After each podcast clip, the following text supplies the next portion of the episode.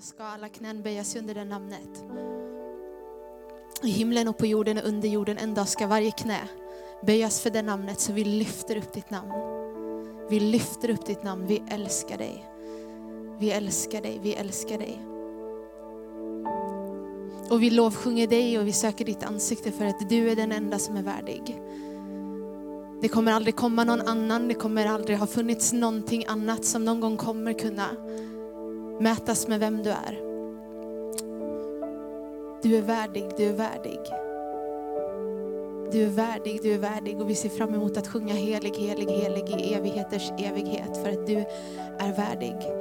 För att du är den du är. Och vi ser fram emot att falla ner i beundran inför vem du är. I alla evigheters evighet när vi ser hur god du är. När vi står i beundran och förundran över hur på nytt får se hur god du är.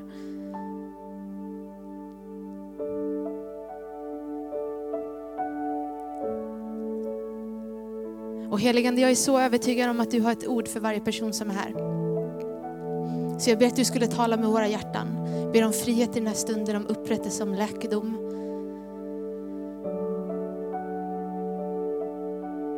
Så öppna våra öron så att vi hör. Öppna våra öron så vi hör.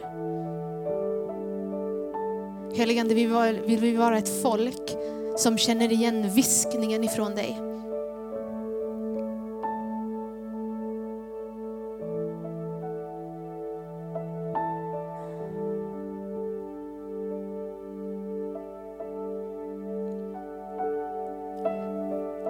Amen. Vi ska fortsätta att be jättesnart. Um, för jag upplevde bara ett ord här innan och, och Lovisa har redan också lett oss i, i lovsång, bara i, i just ordet som handlar om lovsångssträckt, som handlar om att lägga av sig det som tynger av en modfälld ande. Och vi ska bara be in i det innan jag fortsätter att dela några saker som jag upplevt inför den här stunden. Um, men innan det så tack Jakob för de underbara orden.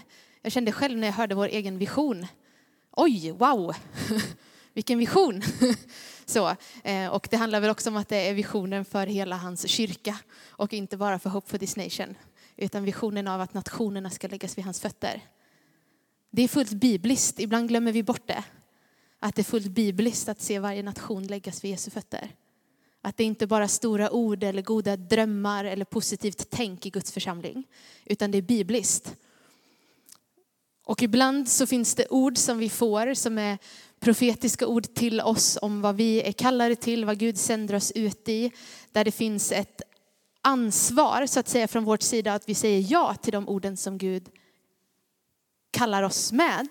Ehm, så här är Gud är Gud så han kan ta oss ut i någonting även om vi nästan säger nej. För att han är Gud. Ehm, Saulus innan han, eller Saul innan han blev Paulus sa nog aldrig riktigt ja innan Gud bara klev in. Så, och jag har hört så mycket berättelser av människor som inte sa sina ja, ja innan Gud klev in och Gud tog deras liv och sa nu sänder jag dig ut. Och man hade inte så mycket till varken ja eller nej utan Gud bara gjorde det han gjorde. Men överlag när Gud talar med oss så finns det ett steg där vi säger Gud jag säger ja till att gå i tro på det du har sagt. Att om du kallar mig till att stå i förbön, säger vi, då finns det någonting av att jag faktiskt ställer mig och börjar be för människor. Annars så är det svårt att börja kliva ut i sin tjänst och sitt kall om vi inte säger vårt ja till det som han talar. Men vissa ord som vi läser här, typ att varje nation ska läggas vid hans fötter, att varje knä ska böja sig. Det har ingenting att göra med ditt och mitt ja att göra. Kommer inte ha med din och, ditt och min engagemang in i det ordet. Utan det är för att Gud är Gud och han kommer att göra det. Och jag älskar att stå med hela mitt liv på ord som jag vet Gud kommer göra det. Oavsett om jag misslyckas, oavsett om inte min egen, mina egna steg håller hela vägen, så kommer han att göra det. Tänk att vi får tillhöra honom. Det är verkligen sant att varje knä ska böja sig och vi tror att den här tron, att vi behöver vara lite försiktiga med den. Det finns ingenstans i Bibeln där det handlar om försiktighet. Tvärtom. Gud, tack för att vi blir hånade. Gör oss ännu mer frimodiga. Det är Bibelns princip. Ungefär så. Det finns ingenting där vi behöver vara försiktiga. Ibland så handlar det om vishet i hur vi når människor. Absolut, där vi behöver lyssna in den heliga ande av att tala i mildhet, i godhet, i barmhärtighet. Hur möter vi människor? Hur möter vi vår samtid? Men vi behöver aldrig hålla tillbaka, vara försiktiga med det här evangeliet för det sprängkraft. Och människor hungrar, människor törstar. Och jag är uppväxt med, med det av att Sverige skulle vara ett stängt land. Jag har hört det hela mitt liv att det är svårt med svenskar. Det är ingen som vill höra om Jesus här. Och jag har insett de senaste åren att det är bluff. Det är inte sant. Och så här är det, det kanske finns en erfarenhet som jag inte vill förminska av människor som har gått före mig som har upplevt att det har varit ett tufft klimat i vårt land. Och jag är övertygad om att vi också ser det nu, att det inte bara är enkelt i allting som vi ser som händer i den här nationen.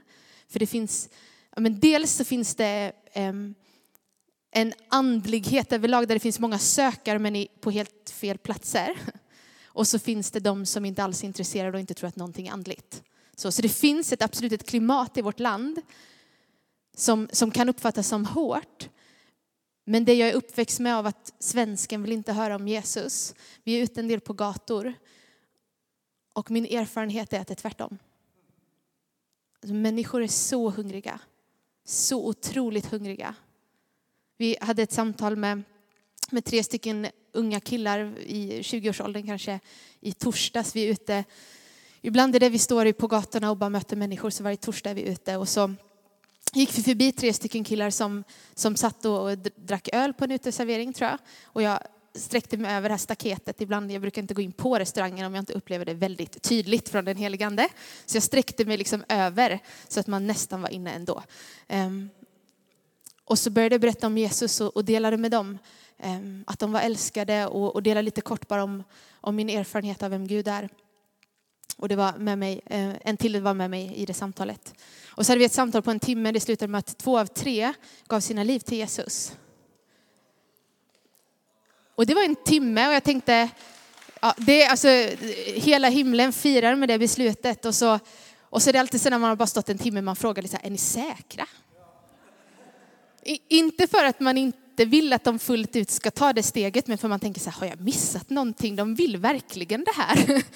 Eh, och det ville de.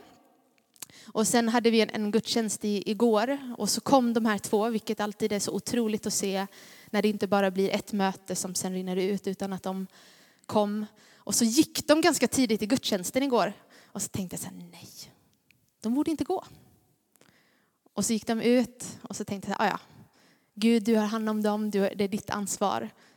Och sen vänder jag mig om igen och så är de där igen. Och då har de tagit med den tredje killen som inte ville då ge sitt liv till Jesus.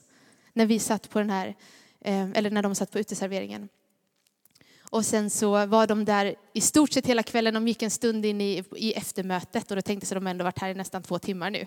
Det är ändå bra jobbat för första gången någonsin i en kyrka. Och så fick jag ett sms idag den ena skrev Ja, vi har pratat om det och vår upplevelse är att det här var en väldigt avslappnad upplevelse. Och det är deras sätt att beskriva att platsen dit vi kom, där var vi trygga.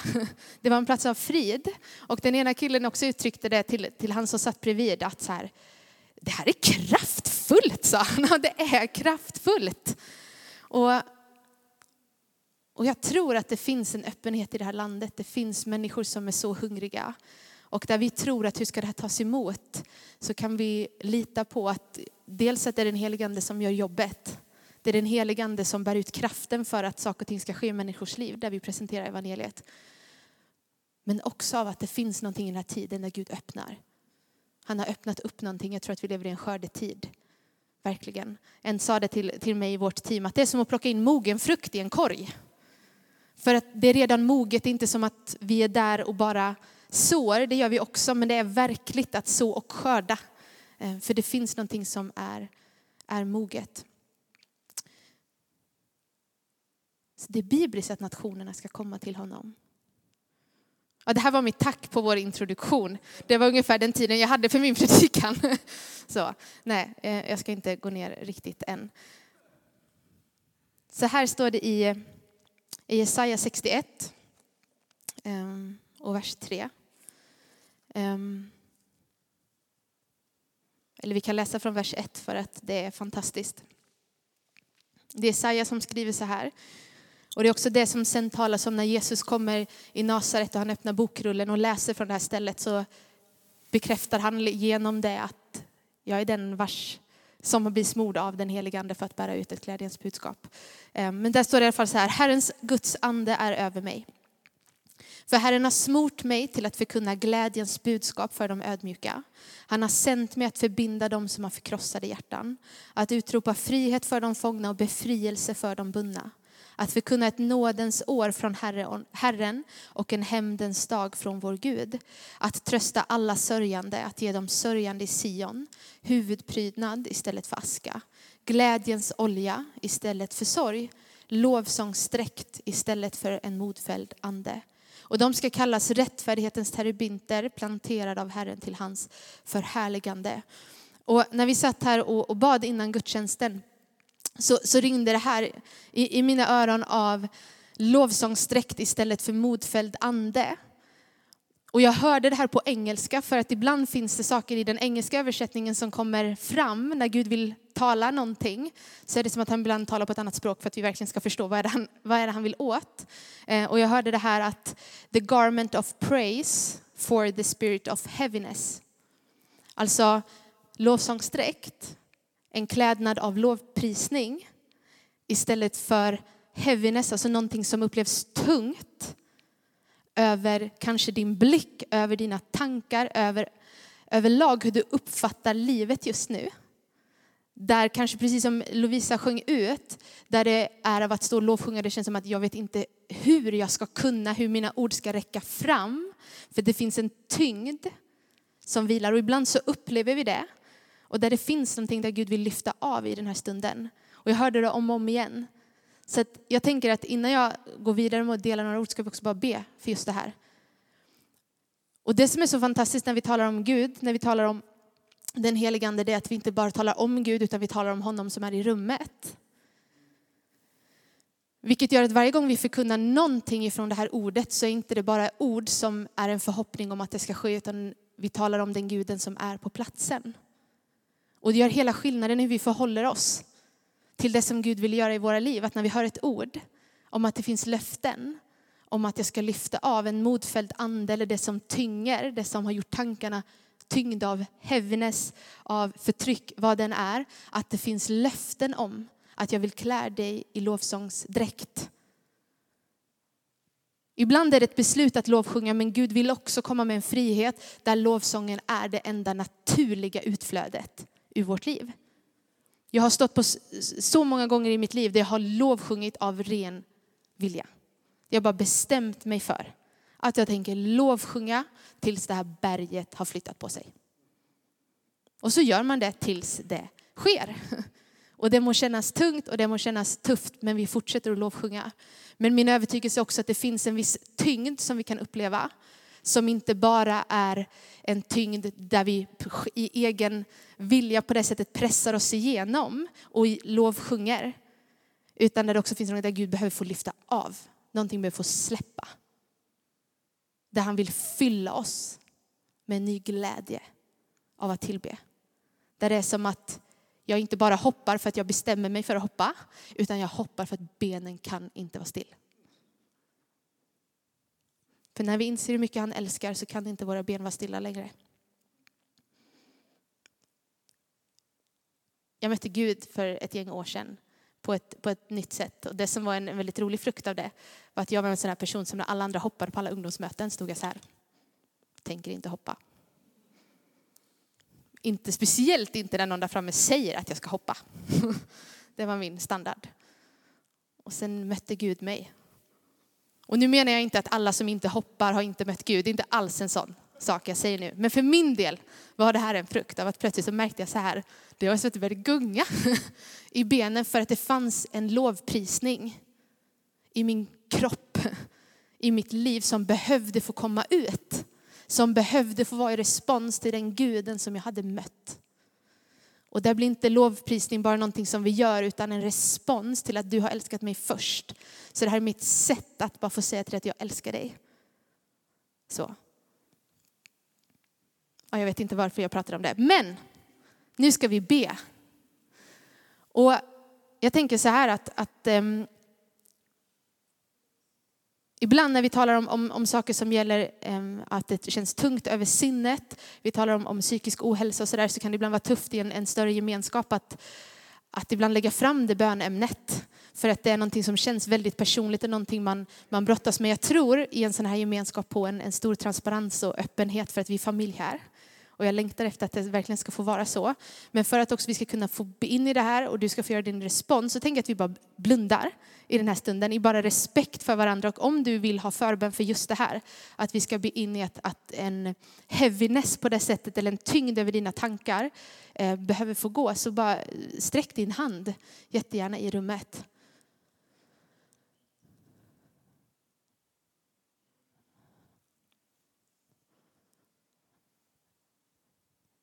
Yes.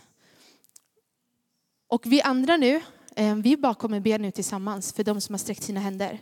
Eh, och bara be att det skulle få lyfta i den här stunden, att det skulle få ske ett skifte av att verkligen få en erfarenhet där ny glädje får bryta fram, där frihet får bryta fram, där lovsångsdräkten över våra liv skulle få bli så påtaglig. Ehm, så i ditt namn Jesus så tackar vi dig för du är vår frihet. Du är vår frihet. Så i ditt namn Jesus så bara talar jag till varje, eh, varje tanke som kanske plågar eller snurrar eller lögn som inte släpper, att den skulle släppa just nu i ditt namn. Tala till, till ofrihet på något sätt över sinnet att släppa i Jesu namn. Och för de som upplever att det mer är av en diffus känsla av tyngd över tanken så talar jag bara att du skulle lyfta av dig just nu av att tala frihet i Jesu namn frihet i Jesu namn och vi bara ber heliga ande om glädjens olja. Av en sån djupa glädje på nytt. I att lovsjunga dig, av att få se vem du är. Så vi bara ber i den här stunden att det skulle få ske ett skifte. I Jesu namn, ett skifte i Jesu namn. Ett skifte i Jesu namn. I Jesu namn. I Jesu namn. I Jesu namn.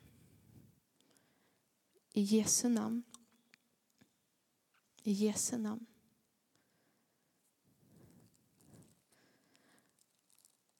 Amen. Och om du var en av dem som, som sträckte dina händer så, så vet om att vi kommer ha möjlighet till förbön sen eh, efteråt. Så uppmuntran är att också bara låta någon eh, Lägger ni händerna på människor här? Sträcker ut händerna just nu? Ja, strunt samma, ni märker det. Ehm, det är lite olika i coronapandemi hur vi genomför förbönen. Ehm, men att också låta någon bara betjäna in i det. Ehm, för jag tror att det verkligen var ett, ett ord ifrån Gud av att få någonting skulle få, få lätta idag. Och jag bara upplevde det när vi bad att någon av er som sträckte sin hand, jag bara tror att du också har en, en stark profetisk gåva över ditt liv.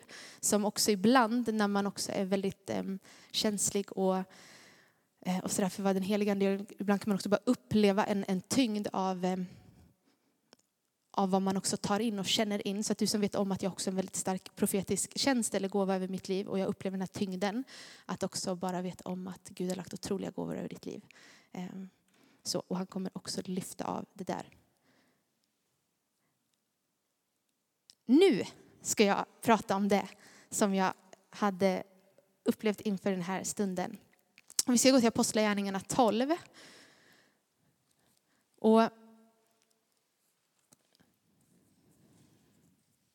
jag, ehm, det här är ett, ett ord som ni får pröva. Ehm, för att det här kommer att vara ett ord som, som är lite riktat till församlingen eh, utifrån det, när jag frågade Gud vad, vad ska jag prata om idag, så var det det här som kom upp och jag tror att det är en uppmuntran till den här platsen och till det som Gud också gör här. Så, och, och när jag är frimodig och delar någonting så innebär det att alla som hör måste vara lika frimodiga och pröva. Det är det enda sättet att få det profetiska att verkligen fungera i ett sammanhang. Det är när vi är frimodiga och delar, men också när vi är frimodiga med att pröva och lägga undan. Så att om det är någonting av det jag delar som känns som att det landar inte alls här, så lägg då tiden och se det som att vi läser åtminstone Guds ord tillsammans. Ehm. Där står det i alla fall så här, och det, jag hörde nämligen namnet Rode. Eh, det är inte ofta jag hör det, det namnet. Eh, förresten, är det någon som heter Rode här? Nej. Det var inte främst det jag upplevde, för jag upplevde en bibeltext, men då hade det kunnat finnas ett dubbelt ord. Eh, det står i alla fall i, i Apostlagärningarna 12, så står det om när Petrus fängslas och sen blir räddad. Och vi ska läsa den texten tillsammans och så ska jag dela några saker utifrån eh, Eh, den passagen. Så vi kan börja från vers 1 och läsa en ganska bra bit för att få ehm, hela sammanhanget. Ehm, så Apostlagärningarna 12, vers 1. Vid den tiden lät kung Herodes gripa och misshandla några i församlingen. Han lät avrätta Jakob, Johannes bror, med svärd. När han såg att judarna gillade detta fortsatte han och grep även Petrus. Detta hände under det osyrade brödets högtid. Efter gripandet satte han honom i fängelse och lät honom bevakas av fyra vaktskift med fyra man var. När påsken var över tänkte han ställa honom inför folket. Petrus hölls därför kvar i fängelset medan, medan församlingen bad ihärdigt till Gud för honom. Natten innan Herodes skulle ställa honom inför rätta låg Petrus och sov mellan två soldater, bunden med två kedjor och utanför dörren stod vakter som bevakade fängelset. Plötsligt stod där en Herrens ängel och ett ljussken lyste upp rummet. Ängeln stötte Petrus i sidan och väckte honom och sa, skynda dig upp. Då föll kedjorna från hans händer och ängeln sa till honom, sätt på dig bältet och sandalerna. Petrus gjorde så och ängeln sa, ta på dig manteln och följ mig. Petrus gick ut och följde honom men han förstod inte att det som hände genom ängeln var verkligt utan trodde att det var en syn han såg. De gick förbi den första vakten och såg den andra och kom sedan till järnporten som ledde ut till staden och den öppnades för dem av sig själv. Så kom de ut och gick en gata och plötsligt lämnade ängeln honom. När Petrus blev sig själv igen sa han, nu vet jag verkligen att Herren har sänt sin ängel och räddat mig från Herodes hand och från allt som det judiska folket hade väntat sig. Det är underbart den här att Petrus inte ens förstod vad som hände förrän efter. Ehm, men i alla fall fortsatt.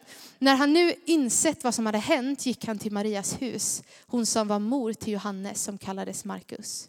Där var många samlade och bad. Petrus bultade på porten och en tjänsteflicka som hette Rode gick för att öppna. När hon kände igen Petrus röst blev hon så glad att hon istället för att öppna porten sprang in och berättade. Petrus står utanför porten. De sa till henne, du är tokig. Men hon försäkrade att det var så och då sa de, det är hans ängel.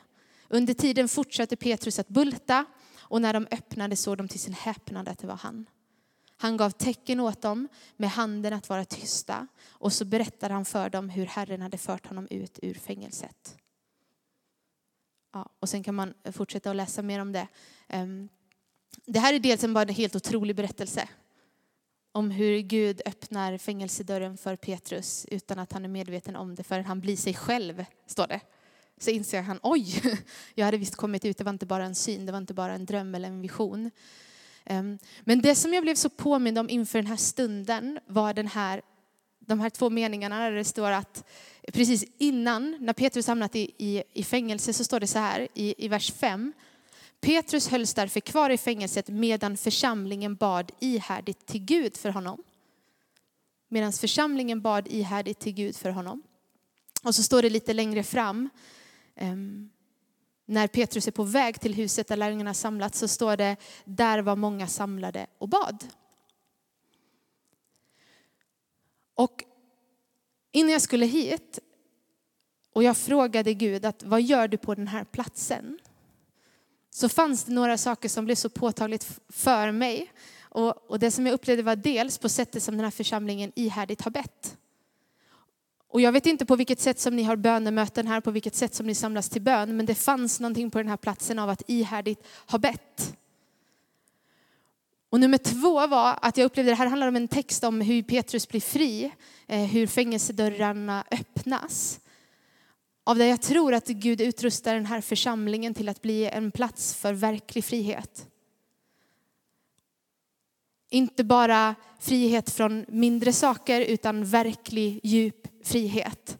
Där människor kommer erfara på den här platsen, människor som ni möter, av att fängelsedörrarna öppnades. Och så står det om Rode, för att komma tillbaka till det här namnet. Så står det att när Petrus kom och han var fri så var Rode den första som kände igen att det är Gud som gör det här verket nu. Och de andra ifrågasatte fast de har samlats och bett för att Petrus ska bli fri. Det är en del av berättelsen att de har verkligen samlats i ihärdig bön för att Petrus antagligen ska bli fri. Jag gissar att det är det de har samlats och bett för utifrån vad texten säger. Och när Petrus kommer och har blivit fri så säger de nej, det kan inte vara Petrus. Och nummer två är, nej men då är det hans ängel. Och hon är så exalterad över att hon förstår att det är Petrus som har blivit fri. Så att hon glömmer att öppna åt honom. Det är också bara en så här komisk detalj. Men jag tror att det finns någonting på den här platsen som Gud har förberett er för av att ta emot människor att erfara sin frihet. Och jag vet att det här, den här platsen har varit en plats för, för många brutna människor på olika sätt som har brottats med, med, med missbruk kanske eller, eller andra saker i sitt liv. Men jag tror inte bara det gäller den typen av frihet utan av en plats så påtagligt märkt av friheten ifrån Gud. Så att när människor kommer in så upplever man hur någonting lyfter. Det finns en fängelsedörr som behöver öppnas i mötet med Gud. Och ibland så står det sammankopplat med en församling som har bett ihärdigt. En församling som har varit på sina knän, en församling som har blivit förberedda på det som Gud vill göra. Av fängelsedörrar som öppnas. Och jag såg, nu återigen, ni får pröva det jag säger, men jag upplevde när jag stod att jag såg som ett vattenhjul framför mig. Ehm, jag är från Gnosjö. Eh, några av er vet var Gnosjö ligger. För er som inte vet det så är det eh, därför småländskan kommer fram ibland. Och det är för att jag är från Småland och det ligger där. Eh, I alla fall så har vi som en sån här, när man åker in i Gnosjö så är det ett stort vattenhjul för att det är känt för industri och vattenhjul. Där hjulen alltid snurrar finns det en annan kommun som har som sin slogan runt omkring där jag är uppväxt. Men i alla fall, så jag bara såg det här vattenhjulet framför mig. Som Ibland så kan man, när man ser ett gammalt vattenhjul framför sig eller någonting som är i trä och som är äldre, så kan man nästan höra eller föreställa sig det här knaket som händer när någonting verkligt börjar snurra. Jag vet inte om ni kan föreställa er det, men man kan tänka sig när det blir riktigt så här, det drar till för att det börjar snurra. Och jag tror att ni finns i en sån typ av tid här. Av att någonting det är inte ofta jag gör, jo ibland gör jag ljudeffekter i min predikan, men nu fick ni det, det här var sången som jag sa att jag var beredd på att göra. Eh, men av att någonting verkligt håller på och börjar snurra. Och ett vattenhjul är inte bara ett, ett hjul som är eh, utan någonting i, utan det är verkligen för att fånga upp vattnet. Och det ger kraft och det ger en, en liksom rörelse av vatten överlag. Och jag tror att det finns någonting på den här platsen som gäller frihet och det gäller att någonting håller på att börja snurra av ett vatten som är på gång att komma i rullning av andens kraft, av andens liv, av frihet på den här platsen. Och några av er som är här har säkert känt sig, jag vet inte varför jag är i Linnéakyrkan, men jag har upplevt att jag ska vara här. Och ibland känner man så för att Gud säger att det här är en underbar gemenskap. Och ibland så känner man också så för att Gud kallar en till en plats för att också han gör någonting på en plats och han behöver människor här. Det behöver han i varje församling, men ibland upplever man det extra tydligt av att jag behöver vara här just nu. För det är någonting som är i rörelse här. Och jag tror att den här församlingen står inför någonting liknande. Och ni får pröva, ni får bli in i det. Men jag upplevde en som förväntan och en uppmuntran inför den här stunden, men också inför vad Gud ska göra här.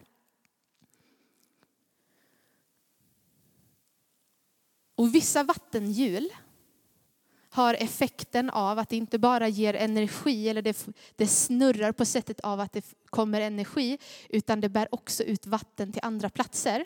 Alla vattenhjul gör inte det, men vissa vattenhjul har sådana här, nu fick ni också en liten undervisning om vattenhjul, som jag är för övrigt inte alls så bra på, eh, men jag har sett det på bild.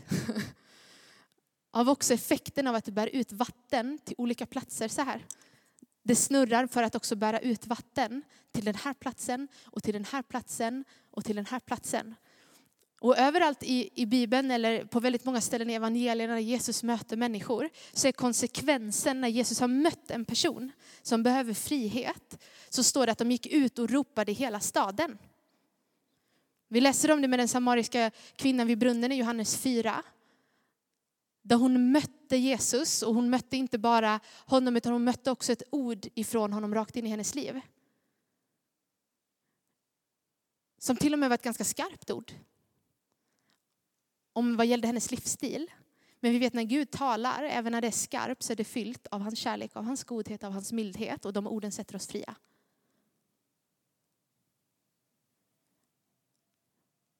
Det är därför vi måste vara väldigt noga när vi upplever någonting som Ehm, är skarpt. Kanske in i en människas liv av, av ehm, uppmaning ehm, eller korrigering. Att fråga Gud, hur talar du de här orden? För att när Gud talar de orden så sätter det människor fria. Och det ger dem en uppenbarelse om hur god han är. För att den här kvinnan gick inte därifrån och sa, åh nej, han visste vad jag hade gjort. Utan den här kvinnan gick därifrån och var fullständigt fri och det står att människor kom till tro när de såg vad kvinnan hade varit med om. Och så står det att hon ropade ut och sen senare kom Jesus också till den staden. Och då kom ännu fler till tro. För nu har vi inte bara hört om honom utan nu har vi också själva mött honom och sett honom. Och det står om en annan passage som vi läser från, eh, jag tror det är Markus 5, där det står om när Jesus möter en, en, en man som är, är är besatt, som behöver frihet, verkligen. Det står till och med att han har en legion i sig, vilket vi kan veta om att det är många, eh, av demoniskt förtryck och behöver verkligen frihet. Och Jesus talar eh, till det förtrycket eh, som den här mannen brottas med, att det behöver gå och det far in i svinen, står det.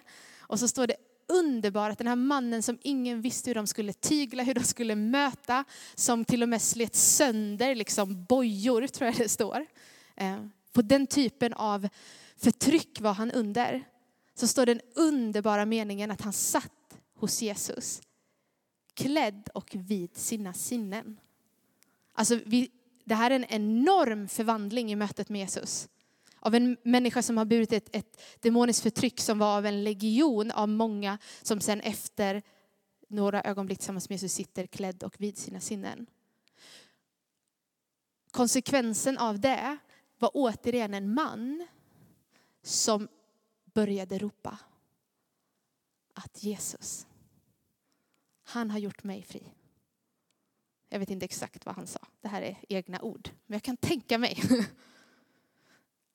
Det står till och med om de som, som blev eh, läkta av Jesus, som upplevde frihet där Jesus sa att du får inte berätta det här. För det var inte hans tid än. Och så går det säkert ungefär fem sekunder innan det är så här, och så berättar de ändå att jag har mött en man. Och jag vet inte vad historien för det här eh, huset är. Jag, det här är första gången jag är på gudstjänst i Linnéakyrkan. Jag har varit här en gång, två gånger eh, tidigare. Och eh, den gången var, eh, första gången var när jag var på ett studiebesök med min bibelskola för tio år sedan. Och den andra gången var för ett tag sedan på någon nätverksträff eller någonting här. Um, så jag vet inte riktigt vad den här platsen har för arv, vad, vad som ligger bakom för den här platsen. Men jag tror också att det finns någonting av ett arv här som gäller staden, som gäller av att vara en plats som staden känner till. Av att ryktet får gå från den här platsen, av någonting som sker, av frihet som sker, av upprättelse som sker, som inte bara är här och ett rykte inom... Eh, ibland så är det så att det finns rykten inom kyrkan. Det är ju underbart när vi firar tillsammans med varandra. Åh, Gud gör det där och Gud gör det där och Gud gör det där. Det är helt rätt och det är underbart. Men jag tror att vi lever i en tid där vi ska få se ännu mer hur ryktet går härifrån ut. Där det här blir en plats, inte bara för andra kyrkor som bara wow, Gud gör någonting i Linnéakyrkan. Utan där människor som inte har någon aning om vem Gud är, hör. Att här finns det frihet att få.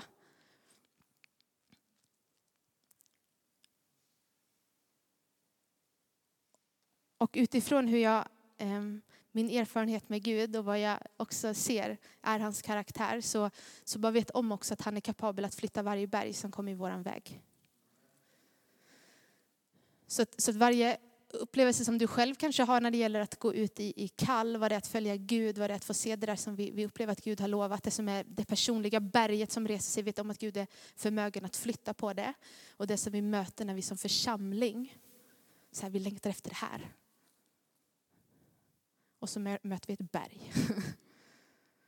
Och så tänker man så här, men det var inte det jag längtade efter. Det var inte det här berget jag hade sett framför mig. Men vi möter ett berg så vet om att Gud är förmögen att flytta på berget. Han kommer alltid vara förmögen att göra det. Och jag sa det igår, vi hade en gudstjänst och han, flyttar han inte på berget så smälter han det som vax.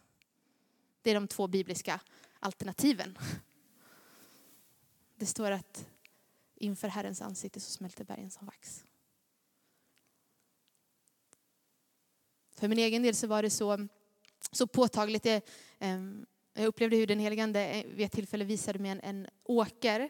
Eh, och att när, när Gud talar med oss ofta om hans löften, vad han ska göra, vad han har förberett, så ser vi också någonting framför oss ofta vad Gud ska göra. Vi ser oss en åker som är fylld av skörd och Gud talar, det här kommer. Och sen så kommer man till den här åken och så bara, okej, okay, det var ingen skörd här, det var bara sten. Och så börjar man plöja för att det är ofta det man gör. Jag tror att det funkar så i jordbruksspråk. Om det sitter någon här så kan det här bättre får man jättegärna höja sin röst. så. Men av att börja plöja den åken innan man ser någonting ske. Och ibland så är det så att när vi möter stenarna, när vi börjar plöja inför att vi ska få se ett löfte bli uppfyllt, så blir vi så missmodiga över stenarna vi möter så att vi tror att vi är på fel väg. Vi måste våga låta den missmodigheten gå och veta om att den här stenen som jag märker av just nu, det behöver inte vara så att det här är fel just nu. Det kan vara så att jag håller på att plöja upp en mark för att löftet ska ske. Så när du möter någonting som känns som att nu reser sig ett berg i min väg, fråga Gud, vad är det för berg? För att ibland är det en sten, ett klippblock, ett berg som vi möter för att vi håller på att plöja upp mark för det löftet som Gud har talat om, som han har lovat. Sen ibland så finns det berg som vi behöver bara säga så här, jag tänker inte gå åt det hållet, jag går åt andra hållet. För det var inte dit jag skulle gå. Det är en helt annan sak när Gud vägleder åt ett annat håll och vi märker att det går inte i min väg. Det, jag känner inte igen hans ande, jag känner inte igen hans frid. Där han kanske snarare vill leda dig på en ny väg. Men det är en annan, annan sak. Så för dig som upplever tyngd över ditt sinne, vet om att det finns frihet för dig på den här platsen. Och jag tror att någon kanske redan märker en skillnad, men vet om att det verkligt finns på den här platsen, vet om att den guden som vi talar om, han är här. Han är verkligt här. Var uppmuntrade på den här platsen. Alltså var verkligt uppmuntrade på den här platsen. Och för dig som känner så här, jag vet inte varför jag är i Linnéakyrkan, men jag kände att jag skulle hit. Var uppmuntrad i att du kände att du skulle hit. För det kan vara så att Gud har placerat flera stycken här som också är redo för saker som Gud gör. Och jag tror att det finns ett sånt där som inte bara är kanske för Linnéakyrkan som är överlag i vår tid, men som jag också tror verkligen är här. Av att få känna igen att det är någonting som börjar knaka, det är någonting som börjar snurra. Och det finns någonting som är bibliskt också av att märker ni det inte, det spirar redan. Någonting som jag tror ligger i vad, vad vi får göra som Guds folk, att när vi märker att det börjar spira. Jag inser att det blir så mycket så här eh, floraspråk och jordbruk och spira och mark och jord och sådär. Jag är inte alls påläst på sådana här saker. Men när någonting spirar så är det innan det har fullt ut slagit ut. Och det finns någonting av att kunna säga att märker ni det inte? Vi märker. Vi märker vi kan ta på det här. Det är fortfarande bara i början av någonting som vi tror att Gud gör, men vi såg det. Att längtar vi efter människor, som jag också talar om, människors frihet på den här platsen, och vi ser en av tio bli fri. Av att kunna säga, märker ni det inte? Det spirar. Jag har en person som står mig nära som finns i en församling eh, inte så långt härifrån. Eh, de hade inte sett så mycket befrielse i sin församling men längtar efter det hade upplevt att Gud också hade fört dem in i det. Och så började de se lite av befrielse. Och det var så här, nu ser vi det. Nu ser vi det, det vi har börjat längta efter. Det vi har längtat efter under lång tid. Vi ser det nu av att kunna säga att märker ni inte, det spirar nu.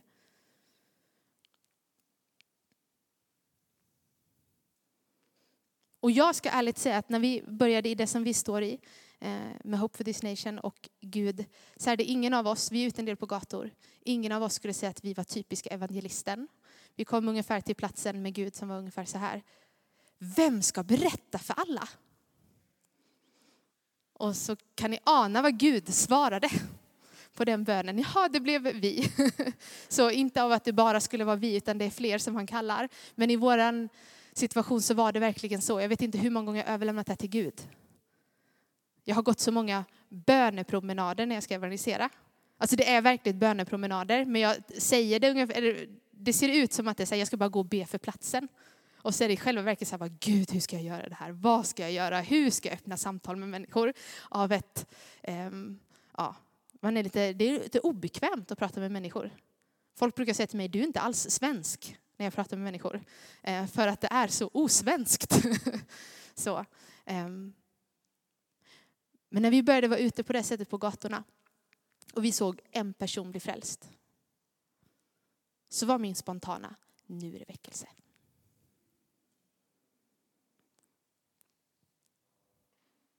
För att jag anade att på det här sättet som den här människan nu blev frälst, det finns någonting. Och som inte är att försöka förstora upp någonting. Inte alls, men av att kunna känna igen att jag anar att Gud gör någonting nu. Jag känner igen tonen. Eh, jag har träffat så mycket äldre människor som, som kan säga över vår tid nu, som har funnits med en väckelse innan. Där de säger så här, det ser inte likadant ut, men vi känner igen vinden. Vi känner igen vinden. För att de känner igen att det händer någonting, det spirar någonting och de kan sätta ord på att vi märker att det är någonting som spirar. Även om vi kanske bara har sett den där, en person blev frälst. Eller jag hörde det här vittnesbördet. Eller vi såg det här. Det finns någonting att, märker ni det inte, det spirar? Och kunna säga att jo, vi märker det. Det spirar att vara som den här Rode som bara, det är Petrus som kommer nu. Och de andra bara, nej det är inte Petrus. Jo det är Petrus. Så här. Det är väckelse som kommer nu. Nej det är inte väckelse, det är väckelse som kommer nu. Ja, jag tror att det är så. Mm. Nu är jag nog klar. Ehm, ska vi göra så att vi ställer oss upp tillsammans och så ska vi bara be ihop. Ehm.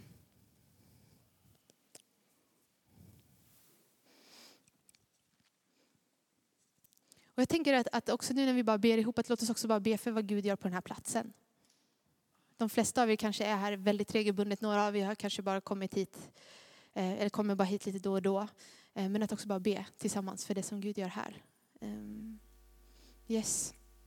Så Jesus, vi tackar dig för vem du är. Vi tackar dig för vad du gör. Vi tackar dig Gud för vad du gör i den här tiden, för vad du gör i våra liv, för vad du gör på den här platsen, vad du gör i vårt land. Ehm, och Gud, vi bara kommer inför dig med, med det som du gör på den här platsen. Och vi bara ber Gud om mer. Vi ber om mer. Jag tackar dig för varje ord som har talats över den här platsen genom åren, de senaste åren, i det som ledarskapet här och församlingen här har upplevt att du ska göra. Jag bara ber att, att det skulle få ske i vår tid, av att få se ett sånt genombrott för varje löfte som vi har fått, varje ord som vi har hört talas över den här platsen. Vi bara ber om genombrott i ditt namn Jesus. Och där berg har rest sig så tackar jag dig för att du är förmögen att flytta på berg. Att du är förmögen att flytta på berg. Att där vi har sett att omöjligheter reser sig, saker som vi möter som verkar göra det svårt att se någonting bryta igenom, så tackar vi dig för att du är den som flyttar på berg. Att du är den som flyttar på berg. Och Jesus, om, vi, om det är så att det är något berg vi inte ser flytta på sig, så tänker vi lovsjunga dig tills vi ser det smälta som vax. Vi tänker lyfta upp ditt namn, vi tänker lyfta upp ditt namn.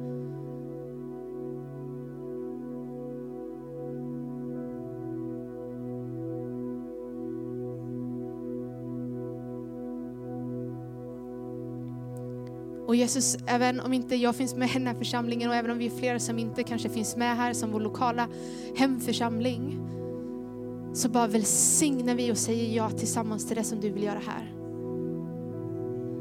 Ber helig ande av ett utgjutande över den här platsen, av frihet för de fångna. Och jag ber att det skulle få vara frihet för de fångna som resulterar i att ryktet sprids, att vatten når staden, når längre. Av människor som får veta om att det finns en Gud som de tror på, som förmår att sätta fri. Som förmår att se bojor falla av. Som förmår att blåsa på, på hjärtan som av sten och se dem få liv igen. Få se dem få nytt hopp.